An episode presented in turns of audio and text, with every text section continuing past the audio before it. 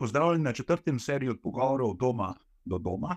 Hvala, ker ostajate doma, pazite na sebe in na druge. Hvala tudi za to, ker ste v naši družbi. In hvala za to, ker namenjate pozornost tudi temam, ki so pomembne za najbolj ranljive skupine ljudi med nami, ter za to, kako delujemo kot družba. Čas mi je, da je današnja moja sogovornica, gospod Anita Ogulin, človekoljubka, dolgoletna humanitarna delovka in predsednica Zveze Mladine Ljubljana Moste Olje. Gospa Ogulin je z razlogom eden izmed najbolj znanih obrazov Slovenije, ki tvoja svoj glas ter neumorno pomaga najšipkejšim, zato je pravzaprav ni potrebno posebej predstavljati. Gospa Ogulin, pozdravljeni in hvala lepa, da ste se odzvali na ta poziv. Dober dan, hvala za povabilo. Ja, tisto, kar je uh, znano, je, da konstantno ste v humanitarnem pogonu, tako osebno, kot preko Zveze prijateljev mladine. In že v normalnih razmerah je tega dela ogromno. Uh, v tej krizi je pa ta zadeva še toliko hujša, bi tudi pri teh omejevalnih ukrepih, ki imajo najverjetneje zelo velik vpliv na te najšipkejše. Bi lahko s kakim primerom povedali, pravzaprav s čim vse se morate zdaj soočiti. Veste, se najbolj uh, predstavi, ker zgodba danes je ena od mnogih današnjih. Kliče očka nekaj minut, joka, pridno pove, da je prvič v življenju pred tem, da prosi za neko pomoč, predvsem pomoč ta trenutek v hrani, je seveda tudi v položnicah in ostalem. Preprosto zato, ker je samo hranilec, bil je SP, nobenega prihodka nima, ne ve, kako naprej, teden dni sta pa si nam že brez hrane. Takih zgodb imamo dnevno toliko, vam pošteno povem, da reže kar drgetamo skoraj vsak večer, ker na vse zadnje želiš tako reševati, ker ljudje pokličejo zadnji trenutek in je težko, no, pravzaprav čisto vse podelati. Ja, uh, tisto, kar je, to, to, to so hude zgodbe. Najverjetneje tudi nekaj, kar smo mi pravzaprav rekli, ste, da je to prvi takšen primer, torej do zdaj tega ni, ni potreboval. Uh, tudi zaradi tega, najverjetneje, ker tega niti sistem ne prepoznava kot problema. Najverjetneje se ta sistem in vloga humanitarnega dela čez čas tudi dokaj spremenjala. Res je, gledajte, kot samostojni podjetnik ni upravičen do kakršne koli socialne podpore in pomoči. Eh, seveda se je trudil, njegova dejavnost, če gremo samo v ta primer, je bila fotografska dejavnost, hkrati s tem je bil še uh, računalniško zelo operativen. Ampak, uh, se veste, vsaka storitev pri nas ima vsaj 30, 60 ali 90 dni plačila plačilna nedisciplina je silno velika in samostojni podjetniki v tem času, vam rečem, bijajo bitko preživetja. Ja, uh, tukaj absolutno. Uh, in to je v bistvu nova kategorija, ne, glede na tisto, kar, kar, kar, kar smo že navajeni. Vemo, da zdravstveno je v bistvu najbolj, pa, je najbolj ranljiva skupina ljudi starejših, s tistimi, ki imajo tudi že kakšne pridružene bolezni. Ampak stališče ekonomske krize, stališče tega je, je pa prizadetih veliko več. Uh, in katere skupine ljudi, po vaši izkušnji, oziroma na, glede na izražene potrebe in stiske vaših uporabnikov, je kriza pa vaše najbolj prizadela? Recimo, podjetniki so eni od takih, ki so samostojni podjetniki. Tako je samostojni podjetniki, ta kriza, ne, se pravi, ti izredni ukrepi so seveda najbolj, ampak res najbolj posegli po samostojnih podjetnikih, samozaposlenih in pa seveda tistih delavcih na minimalni plači, ki jih pač delodajalci odpuščajo zaradi razmer. In pa jih dajo tudi na čakanje, zaposlitvene prakse so silno različne, mnogi jih dajo na čakanje tudi z izjavami, da ne bodo tirjali za čas, ko bodo doma plačila. Zdaj, vedeti morate, to so ljudje, ki imajo nizke plače, ki niso imeli neke rezerve. To so ljudje, recimo, samostojni podjetniki in ostali, ki so na trgu plačilne nediscipline, ki se res borijo za svoj vsak dan. In no, z nobeno rezervo, pravzaprav ta trenutek, ne zmore pokrivati spada prihodka, ki je nastal. videti morate, če, če prispevki niso plačani. To so vse to ljudi, ki nimajo niti zdravstvenega zavarovanja urejenega, ker če dodatno ne plačajo prispevka, seveda niso upravičeni, tudi če zamudijo v tistem mestu do tega. Tako da gre za izjemno težke zgodbe ljudi, ki niso bili recimo v preteklosti naši uporabniki, so popolnoma novi in njihova stiska, da pokliče za pomoč, da pokliče za hrano, za računalnik otrok in vse to, kar se zdaj le dogaja, vam povem, je tako velika, da, da nas res presune slehrni dan. Uh, ja, še, mislim pa, da še posebno, posebno breme, ta kriza, oziroma aktualna situacija, predstavlja za otroke in mladostnike, ki so pač najbolj ranljiva skupina in še prednostna, prednostna ciljna skupina Zveze prijateljev mladine. Uh, in zdaj me zanima, v bistvu, katere oblike pomoči še vedno lahko nudite, oziroma katere itak. Ja, mi smo pravzaprav um, bili no, pripravljeni, ne morem reči, da smo bili pripravljeni na izredne razmere, ampak naši projekti in programi vendarle obsegajo celostno podporo in pomoč družini, tako otrokom v potrstvu, veliki dobrih ljudi, pa dobesedno družini kot celoti, ker smo nudili in seveda tudi sedaj nudimo materialno, finančno, psihosocialno podporo in pomoč, brezplačno pravno pomoč, socialno mreženje, učno v tem trenutku so resnično otroci in mladostniki najbolj ranljiva skupina. Vedeti morate, da v disfunkcionalnih družinah so otroci hodili v šolo pomir. Dijake smo v dijaške domove, smo jim plačevali dijaške domove zato, da so lahko sledili svojim sanjam, ciljem in željam, pa seveda potencijalom in se umikali od družin, da so lahko izobraževanje nadaljevali ali pa ga sploh zaštartali. No? Ta trenutek je izjemen problem učenja nadaljavo. Otroci na to niso bili pripravljeni, še manj so bili pripravljeni starši. Niso imeli tehnične opreme, vse to zdaj le počnemo. Niso imeli, starši niso pripravljeni, niti veste, ko je človek v stiski zamrzne in ne zmorejo pomagati otrokom, učenje nadaljavo. Otrok pri računalniku, če, če ga pač nekdo ne usposobi, ima kaj početi. Ravno tako učenje nadaljavo predstavlja, da je razlaga na, na, na strani staršev, ker mnogi ne zmorejo. In naša ta trenutek pomoč je, ljudem priskrbujemo hrano, delimo jo, vozimo jo po domovih, ker niso mobilni, tudi javnega prevoza ni da eh, pošiljamo po Sloveniji bo, um, bone za prehrano, predvsem za otroke, ki imajo dietno prehrano in družine. Nadaljavo poučujemo otroke, skrbujemo jih z računalniki, plačujemo tiste vitalne položnice, da družina ne pade še v večjo stisko. Online imamo pogovore s starši, psihoterapevtska pomoč, ne njihno poteka že 24 ur na dan morate vedeti, da imamo mnogo klicev tudi s poskusi samomorov. Tako da smo pravzaprav v tej celostni podpori in pomoči, ki je prej potekala, na, bi rekla, iz oči v oči, zdaj na online in smo vse čas, vse čas upeti v zgodbe družin Slovenije in seveda otrok vodstva. Um, ja, uh, na kak način bi pa pravzaprav lahko tudi mi pomagali, v bistvu, oziroma vsakdo od nas pomagal pri, pri reševanju stisk otrok in družin, ki so vključeni v vaše humanitarne programe. Vi ste zdaj, eh, jaz bi vsak temu, gledajte, vsi imamo neko življenjsko sredo, ne? ali bi človek rekel, vsak ima nekega soseda, v bloku so stanovalci, res, da se ne smejo srečevati.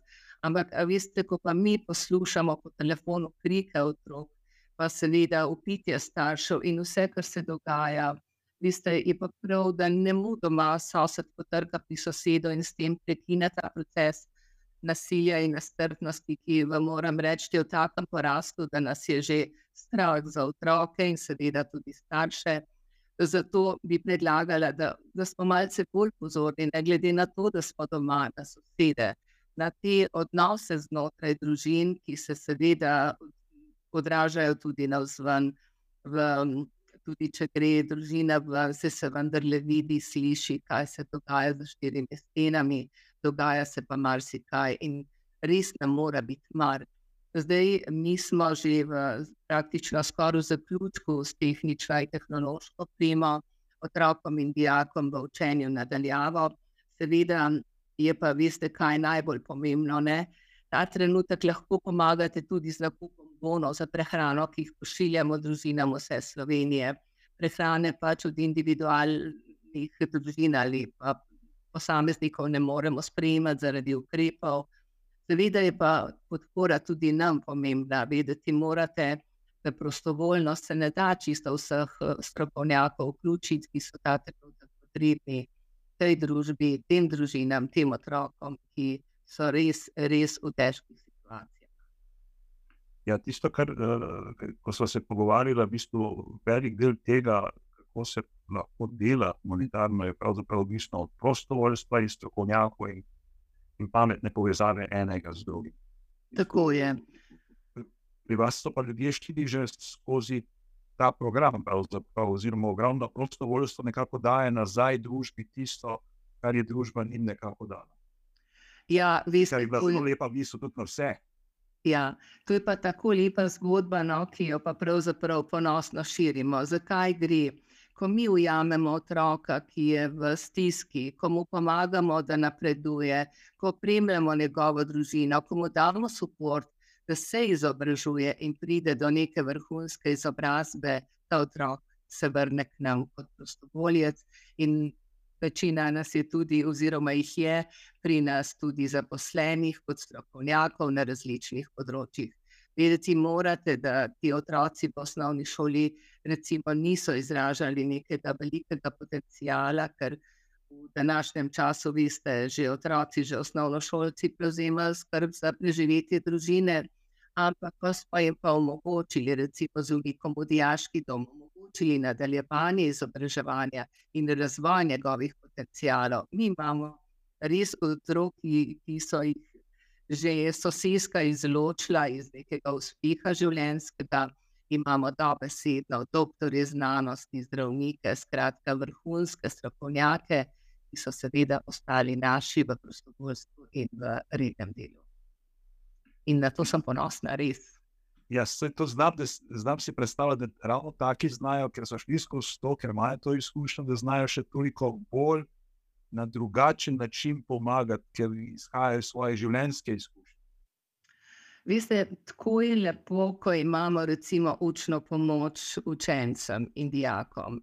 In ko ti študenti to svojo zgodbo dobesedno prenesejo na, na učenca ali dijaka, veste, ga potignejo iz takega brezna v res naplanjavo in lepo tečejo stvari in vzornike imajo otroci v teh ljudeh in verjemite mi, to so lepe zgodbe in seveda s tem bogatimo družbo.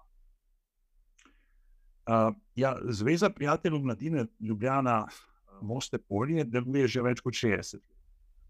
Ter si prizadeva, seveda, številnimi programi zagotavljati enake možnosti za razvoj.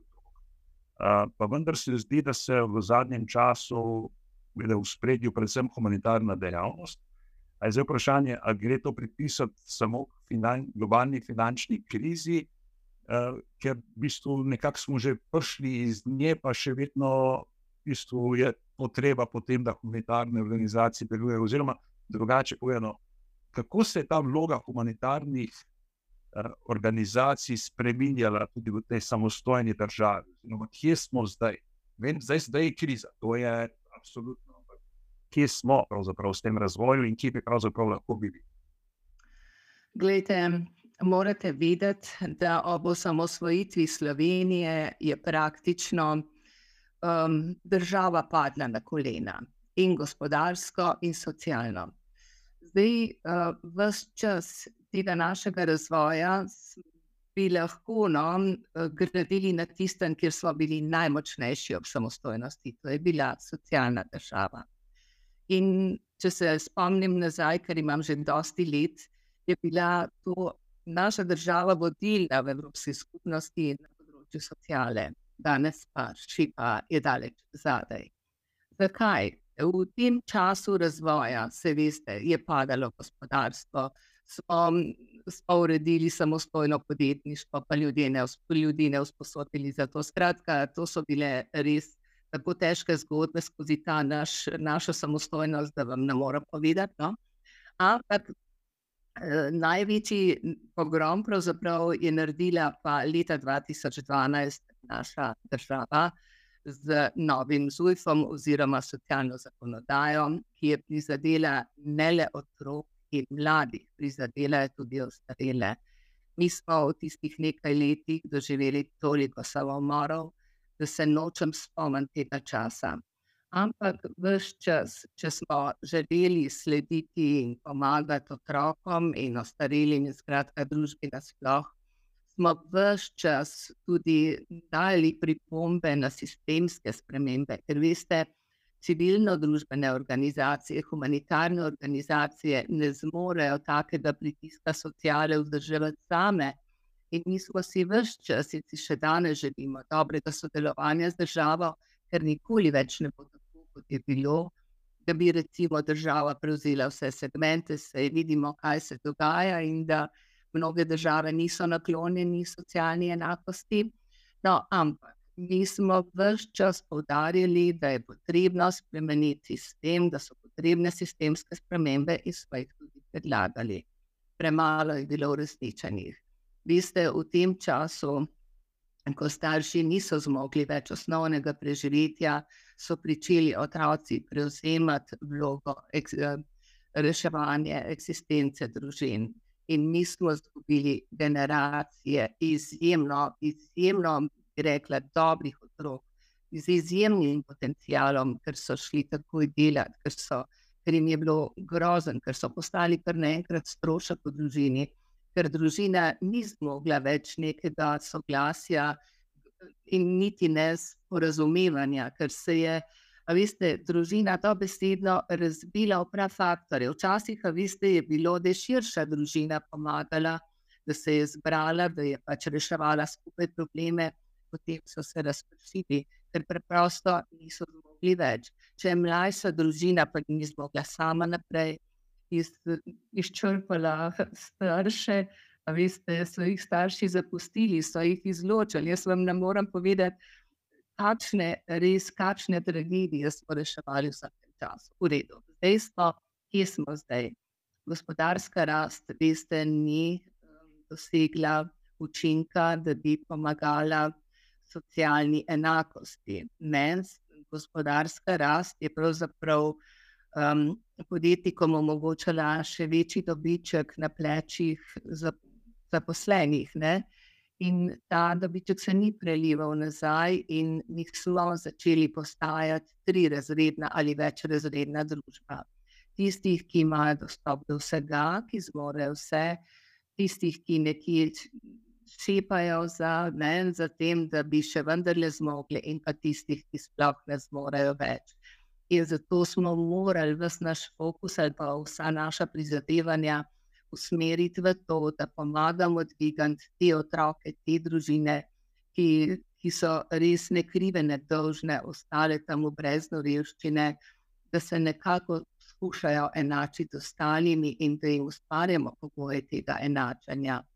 Zdaj moram povedati, um, v mnogih primerih smo bili uspešni, v mnogih ne, zato ker smo pač ugotovili, da da pravzaprav država ne sledi vsem potrebam, ki jih, ki jih mi tudi dobesedno nastavljamo, ne, da bi nam pomagali, da bi, da bi bolj nekako no, um, pomagali no, tudi otrokom, ki imajo mladostnikom, ki imajo možnosti in res velike potencijale to razvijati.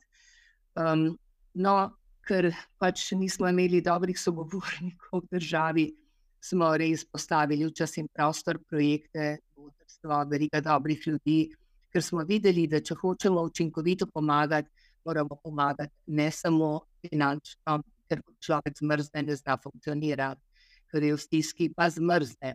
In zato smo opremili otroke z vsemi suporti, od štipendij, se pravi, botrstva, osnovnega botrstva, štipendije, plačilo dijaških domov, inštrukcije in podobno družino pa vzeli dobesedno v mentorstvo v celoti. To pomeni, da starše, ki so izgubili delo, ki so postali nefunkcionalni, ki niso bili več delovne sile, smo dobesedno polnomočili, tako finančno, tako gospodinstvo, in ne morete verjeti, da smo prihajali v družine.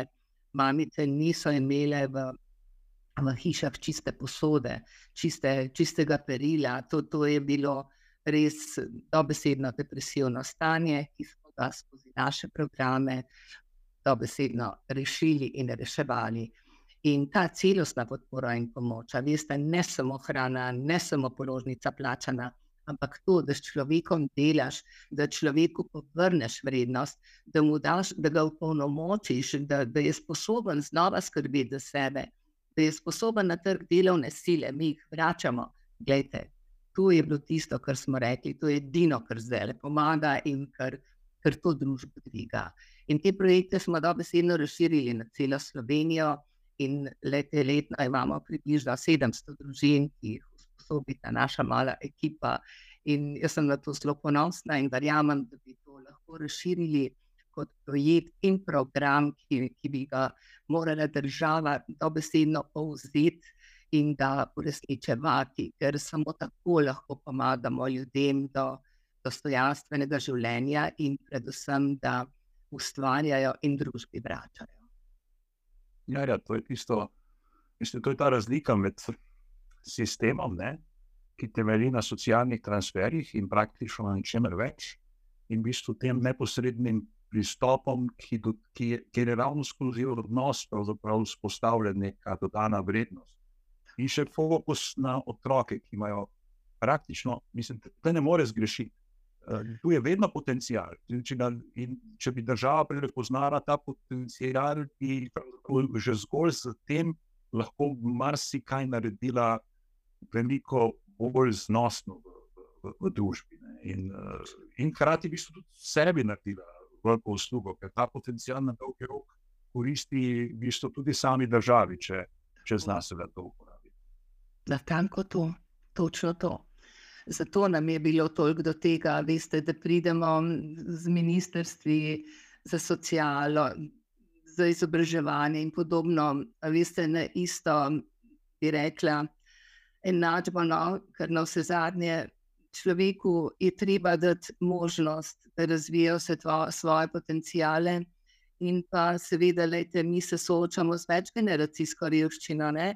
In da jo presežemo, je potrebno, veste, velik vložek v človeka, ampak ne samo z denarjem, ne samo s hrano, oblačili, z drugimi dobrinami, ampak s človekom. Vi ne morete verjeti, kako dve leti smo v začetku potrebovali, da se je človek sestavil, šel na trg delovne sile in danes uspešno. Sam preživlja sebe, in še mnoge druge, je postal še celo donator, mnogo takih. Ampak Veste, v njega je treba vložiti, on ne rabi nekoga, da ga dobesedno prime za roko in ga pelje skozi to njegovo krizo, da v njemu ugotovi, kaj je še močnega ostalo in dela na tistem, kar je vsahnilo. In vem, to so res rezultati, ki bi jih morala ta družba no, uh, sprejeti za svoje delovanje in reševanje sociale. Ja, mi smo tudi del Evropske unije. Seveda je Evropska unija. Uh, področje zaposlovanja in socialnih zadev se ga je otepala, ker je pač ključni, oziroma je glavna pristojnost je na državah članicah. Vendar pa danes, ne samo zaradi krize, itak ne moremo mimo dejstva, da mora biti Evropa, če hoče biti legitimna pri ljudeh, tudi socialna in ne samo gospodarska unija. Kako glede na to gledate na ideje, kot so Evropska minimalna plača, Evropska schema za brezposobnost in jamstvo za otroke?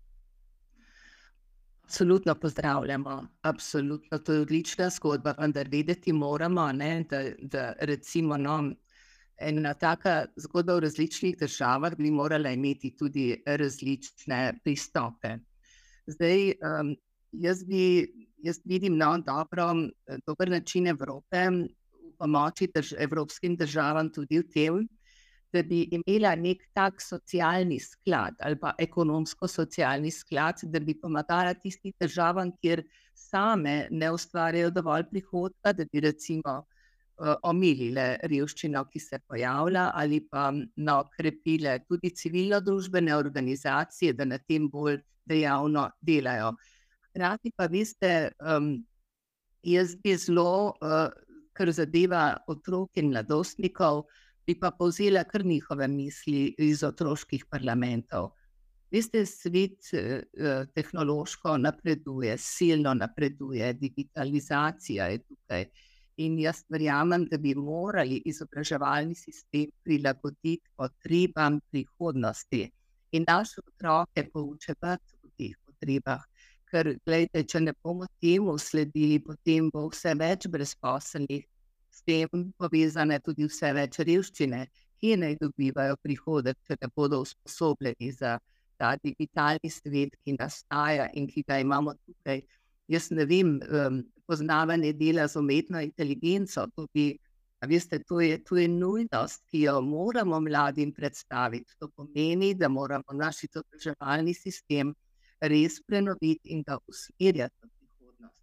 Leto v Sloveniji je ogromno nekih inovatorjev, ogromno je znanstvenikov in vsega. In jaz vidim, da bi morale države ali pa tudi naša država izjemno podpirati to. Um, ta področja, ker na vse zadnje to bi nas reševalo. Ne?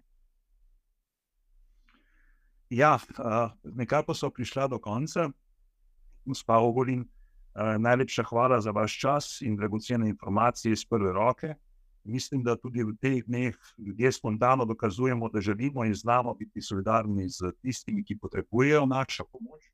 Zato je pomembno, da vemo, na kakšen način lahko pomagamo pri poslanstvu, ki ga upravljamo.